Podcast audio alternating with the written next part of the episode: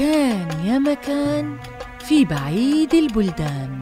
ملك يسهر ولا ينام إلا على قصص الإنس والجان. وبلغني أيضا أيها الملك السعيد أن الأمير موسى والشيخ عبد الصمد والعسكر ساروا ولم يزالوا سائرين إلى أن وصلوا إلى قصر.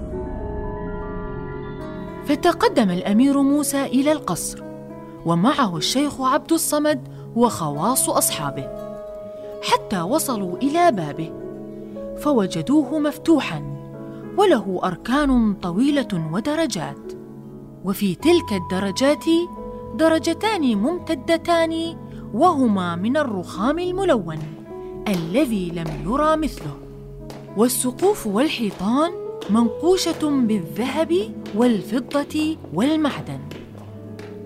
وعلى الباب لوح مكتوب فيه باليوناني. فقال الشيخ عبد الصمد هل أقرأه يا أمير المؤمنين؟ تقدم واقرأ بارك الله فيك فما حصل لنا في هذا السفر إلا ببركتك. إنه شعر ويقول قوم تراهم بعد ما صنعوا يبكي على الملك الذي نزعوا. فالقصر فيه منتهى خبري. عن ساده في الترب قد جمعوا. أبادهم موت وفرقهم. وضيعوا في التراب ما جمعوا. كأنما حطوا رحالهم ليستريحوا بسرعة رحلوا. فحزن الأمير موسى وقال لا إله إلا الله الحي الباقي بلا زوال. ثم إنه دخل القصر. فتحير من حسنه وبنائه ونظر إلى ما فيه من الصور والتماثيل ولم يكن للقصر حس إلا الحشرات والجرذان. وإذا على الباب الثاني أبيات مكتوبة فطلب الأمير موسى من الشيخ أن يقرأها. فإذا هي؟ كم معشر في قبابها نزلوا على قديم الزمان وارتحلوا. انظر إلى ما بغيرهم صنعت. حوادث الدهر إذ بهم نزلوا. تقاسموا كل ما لهم جمعوا. وخلفوا حظ ذاك وارتحلوا. كم لابسوا نعمة وكم أكلوا. فأصبحوا في التراب قد أكلوا. فحزن الأمير موسى شديدا. واصفرت الدنيا في وجهه. ثم تأملوا القصر فإذا هو قد خلا من السكان. وعدم الأهل والقطان. دوره موحشات وجهاته مقفرات. وفي وسطه قبة عالية شاهقة في الهواء وحواليها أربعمائة قبر. فبكى الأمير موسى ومن معه. ثم دنا من القبة.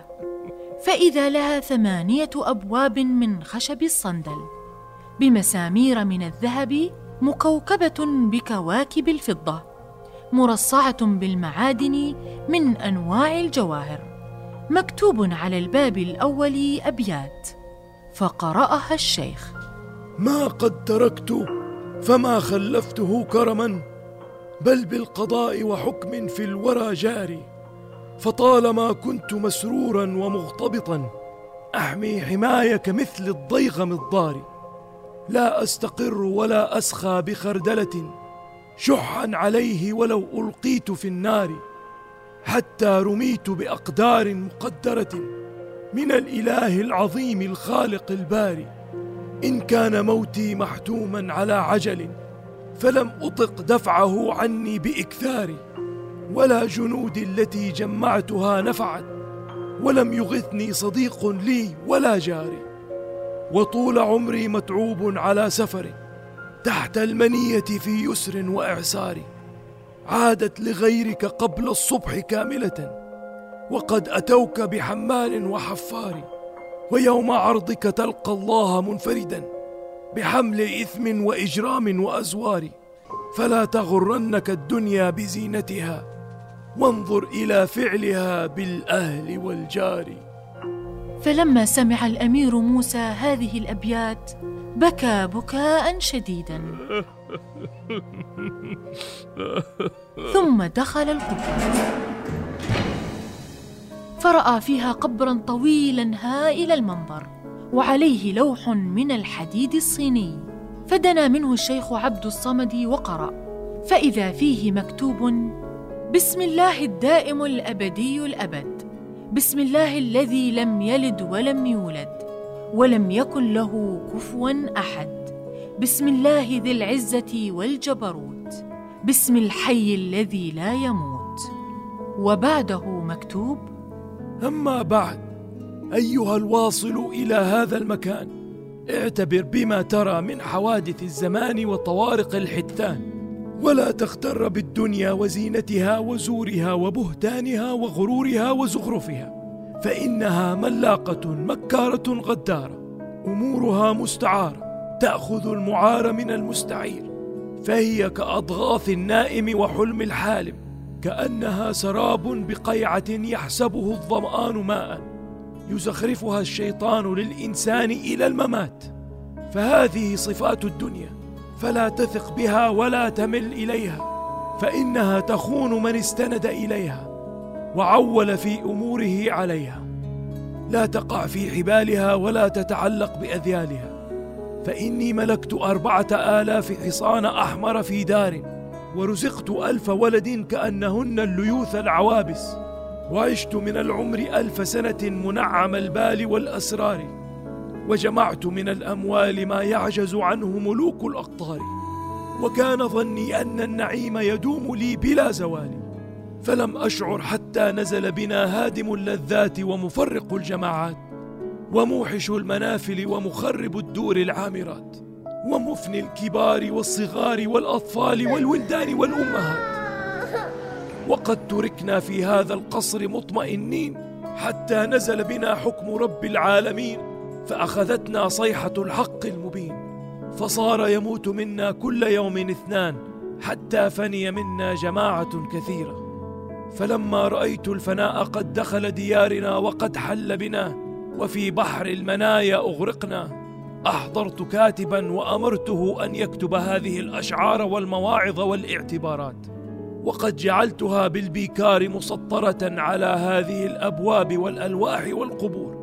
وقد كان لي جيش ألف ألف عنان أهل جلاد برماح وأزراد وسيوف حداد وسواعد شداد فأمرتهم أن يلبسوا الدروع السابغات ويتقلدوا السيوف الباترات ويعتقلوا الرماح الهائلات ويركبوا الخيول الصافرات فلما نزل بنا حكم رب العالمين قلت يا معشر الجنود والعساكر هل تقدرون أن تمنعوا ما نزل به من الملك القاهر؟ فعجزوا عن ذلك وقالوا كيف نحارب من لم يحجب عنه حاجب صاحب الباب الذي ليس له بواب. فقلت لهم أحضروا لي الأموال وهي ألف جب. في كل جب ألف قنطار من الذهب الأحمر وفيها أصناف الدر والجواهر. ومثلها من الفضة البيضاء والذخائر الذي يعجز عنها ملوك الأرض. فلما أحضروا المال بين يدي قلت لهم هل تقدرون أن تنقذوني بهذه الأموال كلها وتشتروا لي يوما واحدا أعيش؟ فلم يقدروا على ذلك. وصاروا مسلمين للقضاء والقدر. وصبرت لله على القضاء والبلاء حتى أخذ روحي وأسكنني ضريحي. وإن سألت عن اسمي فإني كوش بن شداد بن عاد الأكبر. فبكى الأمير موسى لما رأى من مصارع القوم. فبينما هم يطوفون بنواحي القصر ويتأملون في مجالسه ومنتزهاته. وإذا بمائدة على أربعة قوائم من المرمر مكتوب عليها قد أكل على هذه المائدة ألف ملك وألف ملك كلهم فارقوا الدنيا. وسكنوا الأرماس والقبور.